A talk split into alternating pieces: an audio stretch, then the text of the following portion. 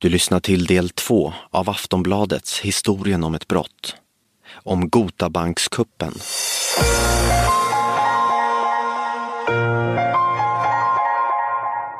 Man hade nu flera starka indicier mot de tre häktade.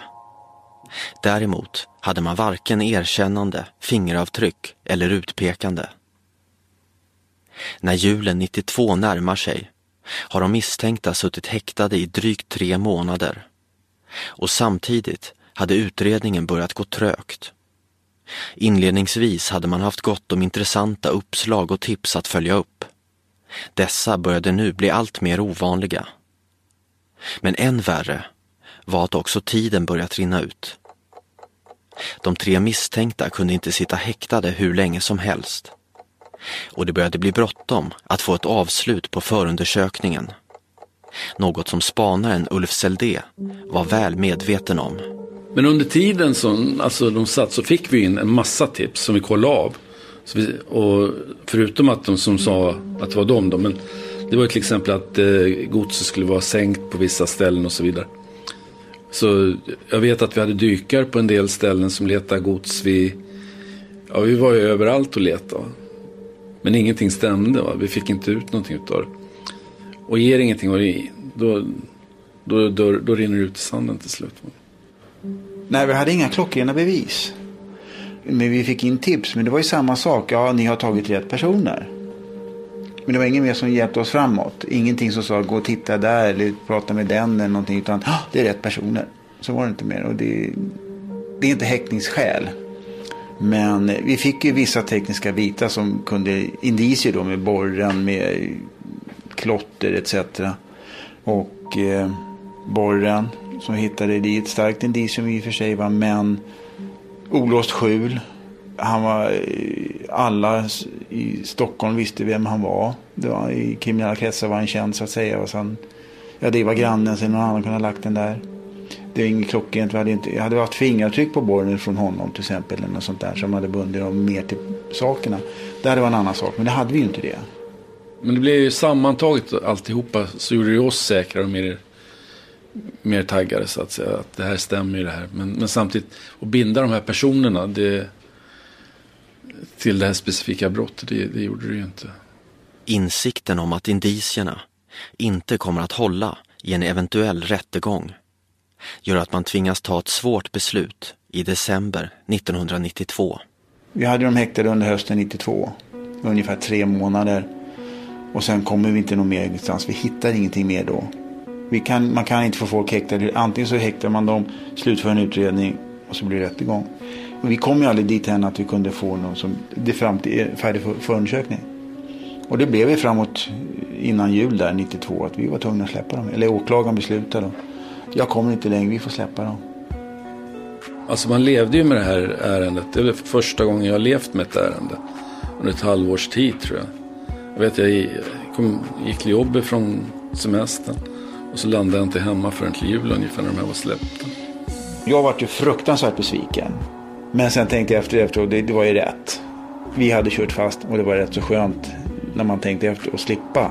För det, det är som att säga, det åt upp en där ärendet. Alltså. Du var hela tiden tänkte på det.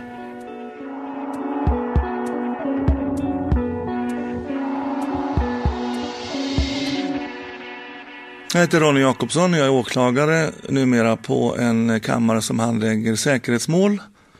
Det vill säga vi handlägger mål som Säpo handlägger och utreder. Och eh, då jobbar jag som kammaråklagare i Huddinge åklagardistrikt. Och eh, handlade i princip alla typer av grövre mål egentligen kan man väl säga som förekom i distriktet. Narkotikabrott men även grova rån, mord och andra ja, lite mera krävande arbetsuppgifter hade jag väl fått då. När utredningen kring Gotabankskuppen kör fast i slutet av 92 blir ärendet liggande på is ett par månader. Dessutom fanns det gott om andra fall som krävde utredarnas uppmärksamhet. Bland annat den omskrivna militärligan som ägnade sig åt vapenstölder och bank och postrån. Men det betydde inte att Gotabanksutredningen nu var nedlagd. Tvärtom så skulle snart akt två ta vid. I den vevan kommer åklagaren Ronny Jakobsson in i bilden. Likaså polismannen Mikael Olsson. Jag var ju utredare då i, på, på våldsroten, hette den då i gamla Huddingepolisen. Och kom ju in i det här i den här utredningen då i det andra skedet som vi säger. När alla misstänkta var släppta en gång och att vi sen skulle starta om det hela. Brottet inträffade i hösten eller augusti 92. Sen kom man inte ända fram utan eh, de släpptes ut. Och då var det väl åtminstone tre personer som var häktade under en tid. Men eh, man vågade inte gå upp med ett åtal då med risken för att det skulle bli ogillat och sen skulle man inte kunna eh, komma längre. Utan då valde man att, att frige de häktade och sen samlade man ytterligare bevisning för att eventuellt komma åt, eh, kunna återkomma då mot samma och kanske andra personer. Vi har ju då ett antal misstänkta där vi har ett antal indicier som inte går att komma ifrån. Alltså då, då, vissa saker fanns ju bara där. Va? Och att tro att det skulle vara fel allt det, det, det vore ju fel. Va? Så att vi, vi måste ju utgå från att de här människorna på något sätt har med det att göra. Men sen kanske man inte kan vara säker på vad de har gjort eftersom bevisningen inte, indicierna räckte inte som bevisning för det vi trodde att de hade gjort. Va? Fast beslutna att utredningen var inne på rätt spår så börjar man om från brottsplatsen och går återigenom beslagen som man tidigare hade gjort. Framförallt gällde det den kvarlämnade borrutrustningen. Och när en anställd från en av de bestulna firmorna i Södertälje nu återigen går igenom fynden kommer ett första genombrott. Han kan nu med säkerhet identifiera en trasa, ett borrhandtag och ett borretui som tillhörde företaget.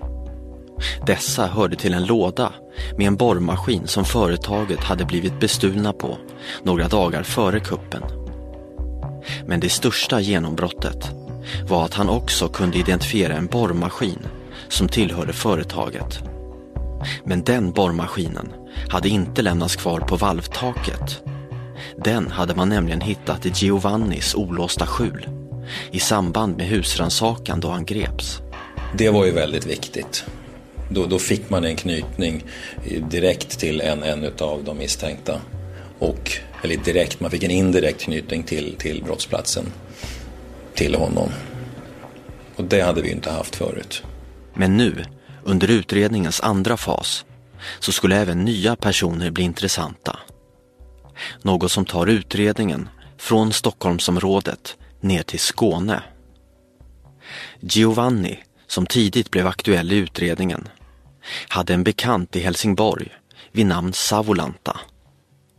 De två hade också ett förflutet ihop. Vi har åklagaren Ronny Jakobsson. Giovanni och Savolanta hade ju tidigare begått brott tillsammans också. Dömts för brott tillsammans. Eh, jag tror till och med något tillfälle hade de berett sig tillträde till någon lokal genom taket. Så att eh, redan på det sättet var de intressanta. I utredningens första skede hade man kunnat koppla ihop Giovanni och Maruk tack vare samtal som rings från Giovannis mobiltelefon. När man nu återigen går igenom Giovannis mobilsamtal får man fram ytterligare en koppling. Den här gången till Skånetrakten där Savolanta uppehöll sig. Man ska klart för det här var ju 92 det fanns mobiltelefoner men det var inte så vanligt förekommande som det är nu förstås. Men eh, det användes ju av eh, eh, bland annat Giovanni. Men i och med att de här personerna nu i Skåne blev intressanta så fortsatte man och analysera telefontrafik och eh, kunde då se kopplingar mellan Giovanni och Savolanta och eh, vi fick stöd för våra teorier om, om hur Eh, Eh, hur man hade rest då, kanske både före, under planeringen och även eh, hur man hade träffats efter kuppen.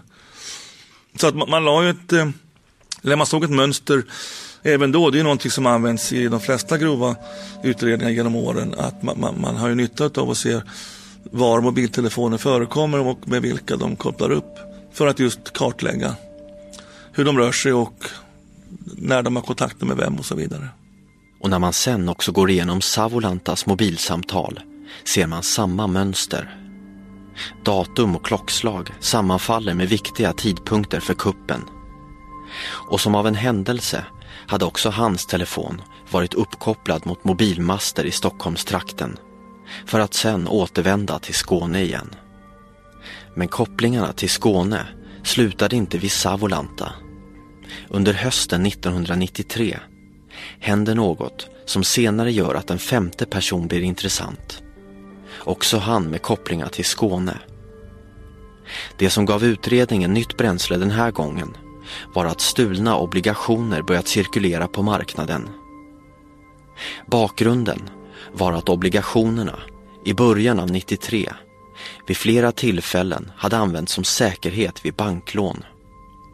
Men senare samma år blir de återigen aktuella som säkerhet vid nya banklån.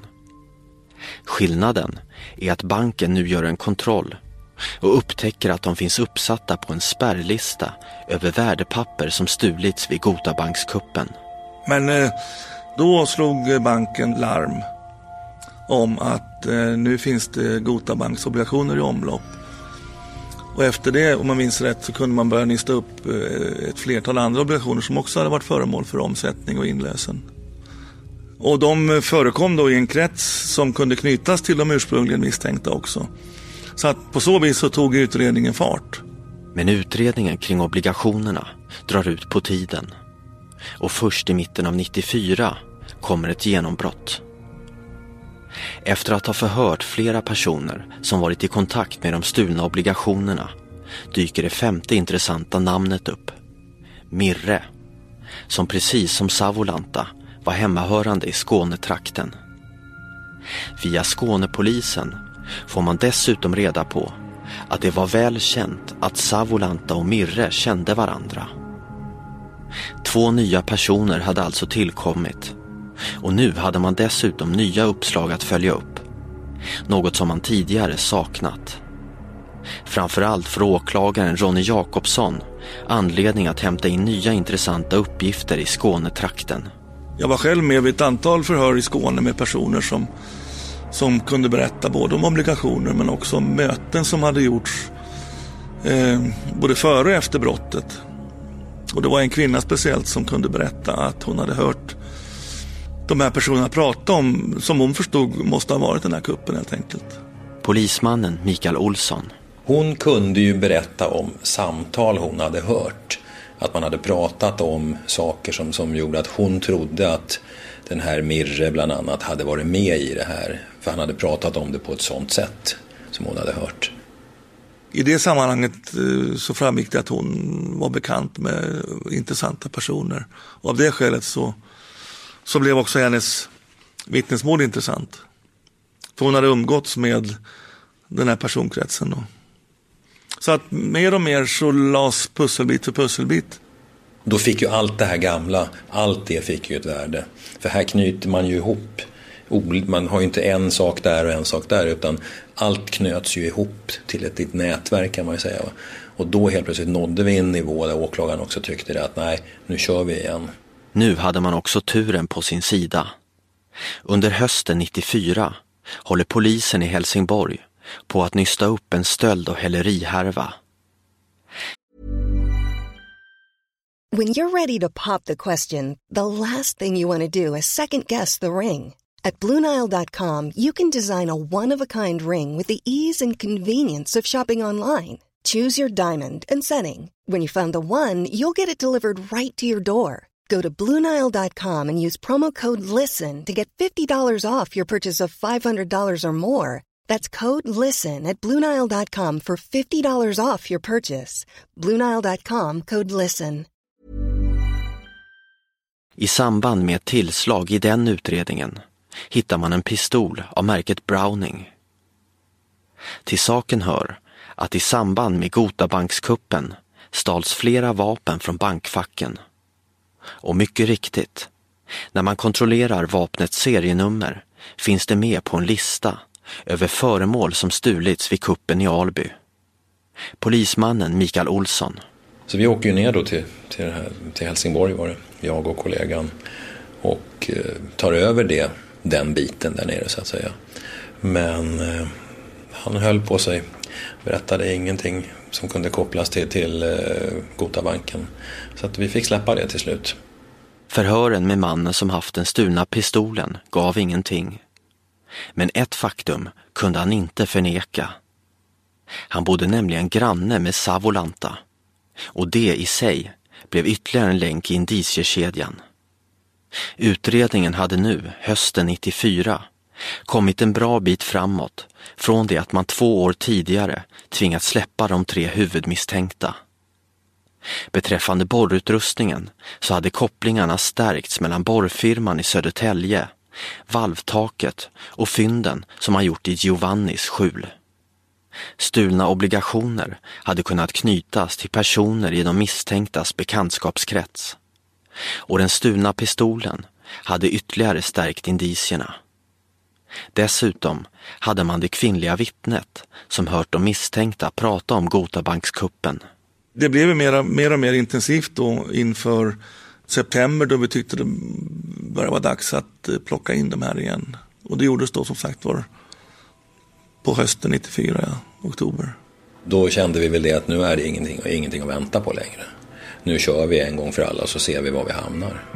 Och så hade vi den här tidig morgon när vi skulle slå till då på tre olika platser tror jag det var, bland annat två platser nere i Skåne. Varav den ena var hemma hos Savolanta. Och eh, man hittar honom och man, man, griper honom och kör iväg honom. Och så gör man ju en jättegrundlig husrannsakan i hans lägenhet. Ja, just det. Det var väl så att vi eh, gjorde ett antal beslag hos Savolanta. Två föremål tror jag var. En buddhafigur och någon, någon jade, något jadesmycke. Under diskbänken bakom eh, horn, så att säga, diskon, sitter den här eh, figuren upptejpad. Och bara det att den satt där bakom gjorde ju att man reagerade ju direkt. Och se, är det någon som har förlorat en sån här? Och jag tror till och med man annonserade i, i lokalpress va? För, att, för att få folk att höra av sig. Och jag vet inte hur lång tid det tog men det tog ett antal dagar eller veckor så kommer det in ett par som har med sig en, en ritad bild av den här figuren. Och när vi lägger den på den här ritade bilden så är den 100% i överensstämmelse i storlek. Och de har ju beskrivit den precis. Och den hade alltså legat i ett av bankfacken. Mot bakgrund av det man fått fram den senaste tiden så kände man sig nu, i slutet av 94, säkrare än tidigare när det kom till att väcka åtal mot de misstänkta. Frågan var nu bara vem som hade gjort vad. Polismannen Mikael Olsson. Alltså det kan ju bli spekulation, det blir ju spekulationer. Eh, men, men eh, känslan som vi hade var ju ändå att Mirre var den som var hjärnan bakom det hela så att säga. Han är ju den som då på sitt register hade kassaskåpssprängningar framför allt tidigare. Och Iljo är ju den som vi trodde hade borrat oss som jag sa va. Och eh, vem som hade varit nere i valvet kunde vi utgå ifrån hur stort hålet var, sen bara titta på hur stor vederbörande var. Eh, Savolanta är ju en av de som har varit nere. Sen vill, vem som har varit mer nere i, i, i, valvet, det kan man också bara spekulera i. Eh, eh, Giovanni kan ju ha varit nere. Marok vet vi bland annat har varit, eller vet vi, vi tror oss veta att han har varit ute för att hålla vakt lite grann och kontrollera lite. Men vi vet inte, han kan ha varit nere också. Men åklagaren Ronny Jakobsson inser att han inte kommer kunna väcka åtal mot samtliga fem. När polisen redovisade protokollet till mig så upptog det fem misstänkta.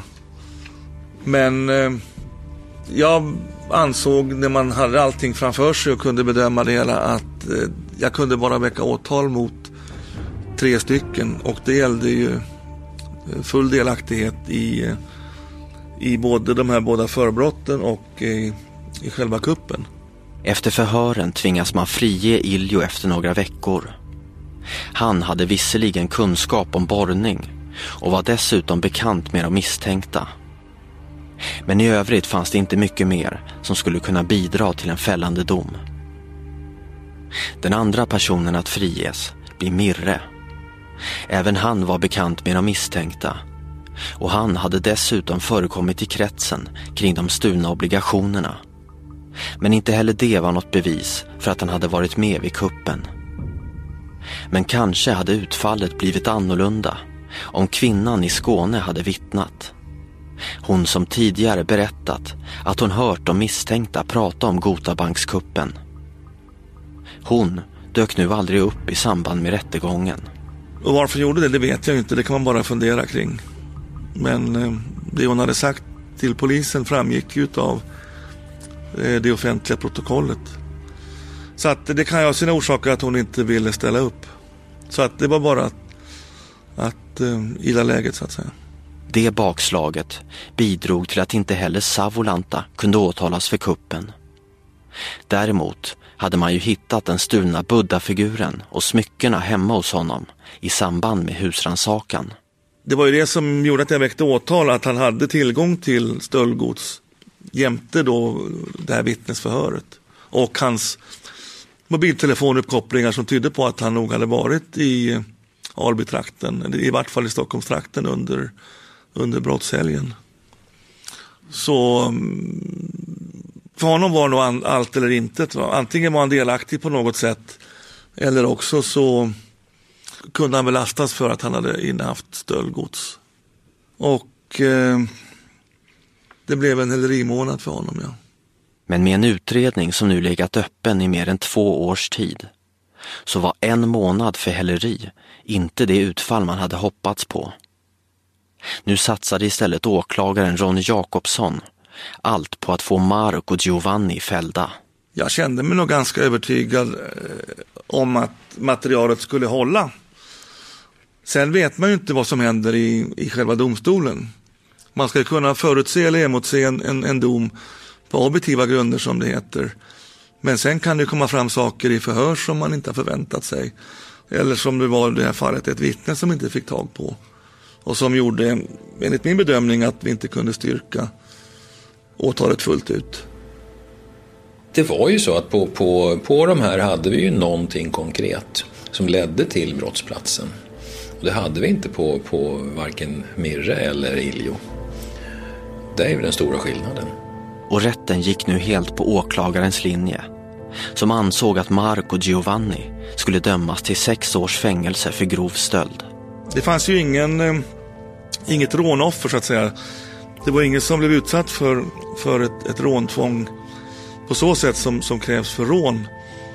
Utan eh, det här var ju mot ett dött föremål så att säga. Och då blir det ju ett rent stöldbrott. Och med tanke på värdet och förslagenheten och allting så, så blev det ju grov stöld.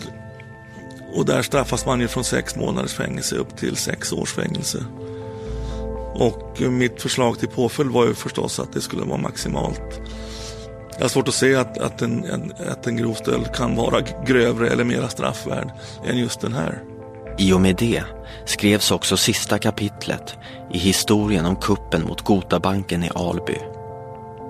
Utöver fängelsestraffet dömdes också Mark och Giovanni att betala ett astronomiskt skadestånd på 33 miljoner kronor till de målsäganden som fått sina bankfack länsade. Sen var det väl förmodligen så, vilket man i vart fall spekulerade om, att eh, det säkert fanns en hel del i facken som man inte stöldanmälde. Det gick mycket rykten ut i Alby om att stora narkotikapartier och, och även vapen hade förvarats där och försvunnit. Svarta pengar kan det ha varit och sen vet man ju inte om... Det är också spekulation om, om en del som anmälde kanske la på lite. Jag vet inte. Men i efterdyningarna följde också ett civilrättsligt efterspel som slöt cirkeln för det som varit själva förutsättningen för att kuppen hade lyckats. Vaktbolagets fatala miss att koppla ur larmet. Följden blev att bankens försäkringsbolag krävde ett skadestånd på tiotals miljoner. Det blev ytterligare ett lager på ett fall som är unikt i svensk kriminalhistoria. Och för de som var med och utredde kuppen finns det fortfarande färskt i minnet. Polismannen Torsten Alm. Ja, det är ju som jag vet hittills det största inbrottet i Sverige. Och sen att den på det sätt den genomfördes var ju också väldigt unikt. Med eh, professionell borrare, med eh, den tur de hade när de utförde brottet. Och den otur vi hade initialt där det sticker ut som ett av de mest eh, iskalla kupper som har skett faktiskt. Ja, man får säga att det, det, är rätt så det är rätt så iskallt utfört tycker jag. När polismannen Mikael Olsson tänker tillbaks på fallet så är det speciellt en sak han minns. Ja, det, det är ju det. Och det. Det är liksom att man undrar att man överhuvudtaget kommer på idén och vågar genomföra den. Alltså, jag har, jag har bara upplevt en liknande sak under de här åren som har varit. Det är när man sprängde en värdetransport i Hallunda. Du har ett upplägg där du involverar en massa människor och det finns en plan. Och ingen kan garantera att det funkar. Det är egentligen rena rama självmordsuppdraget. Och det var det här verkligen. Jag fattar inte hur man, hur man vågade. Men det är klart, om man inte vågar lyckas man inte. Så är det med all verksamhet. Men för Mikael Olsson skulle fallet långt senare återigen göra sig påmint. Då han av en händelse träffar Savolanta. Han som då, 94, helt friades för inblandning i själva kuppen. Jo, jag, jag hade ju förmånen att få, få träffa en av de här personerna, eh, Savolanta, för ett antal år sedan. Eh, och eh, det var i ett annat ärende som jag skulle höra honom. Och efter att det förhöret var klart så kände jag det att eh, han hade ingenting att förlora på att jag ställde frågan eftersom preskriptionen nu hade inträffat sedan ett antal år tillbaka. Så jag frågade honom om, om inte han kunde berätta hur det låg till nu med det här efter de här åren. Och då svarade han så här att ja, så han, det kan vi göra. Men du får inga detaljer, sa han. Men jag kan ju meddela dig sen att det, när jag läste förundersökningen, vilket han gjorde då innan åtalet, så kan jag bara konstatera att det var ju ingenting som var fel i den. Alltså, det han kunde berätta om detaljer var ju att eh, eh, han bland annat hade varit ute i Alby centrum och ätit på pizzerian som låg där. Kanske inte bara för att man var hungrig utan för att man också ville kontrollera att det inte hördes ut att borren gick eller att det gick något larm eller så. Sen ville han inte berätta vilka som hade varit nere i valvet eller så men, men eh, på något sätt fick vi ändå ett, ett eh, accept för det vi hade gjort. Och det, där, det är väl någonting man man inte får uppleva i vanliga fall. Att någon kan göra så utan att riskera någonting. Men det kunde han ju faktiskt göra. Du har hört historien om ett brott, om Gotabankskuppen. Programmet gjordes av Kristoffer Hansson och Anders Johansson. Det ska tilläggas att namnen på gärningsmännen i programmet är fingerade.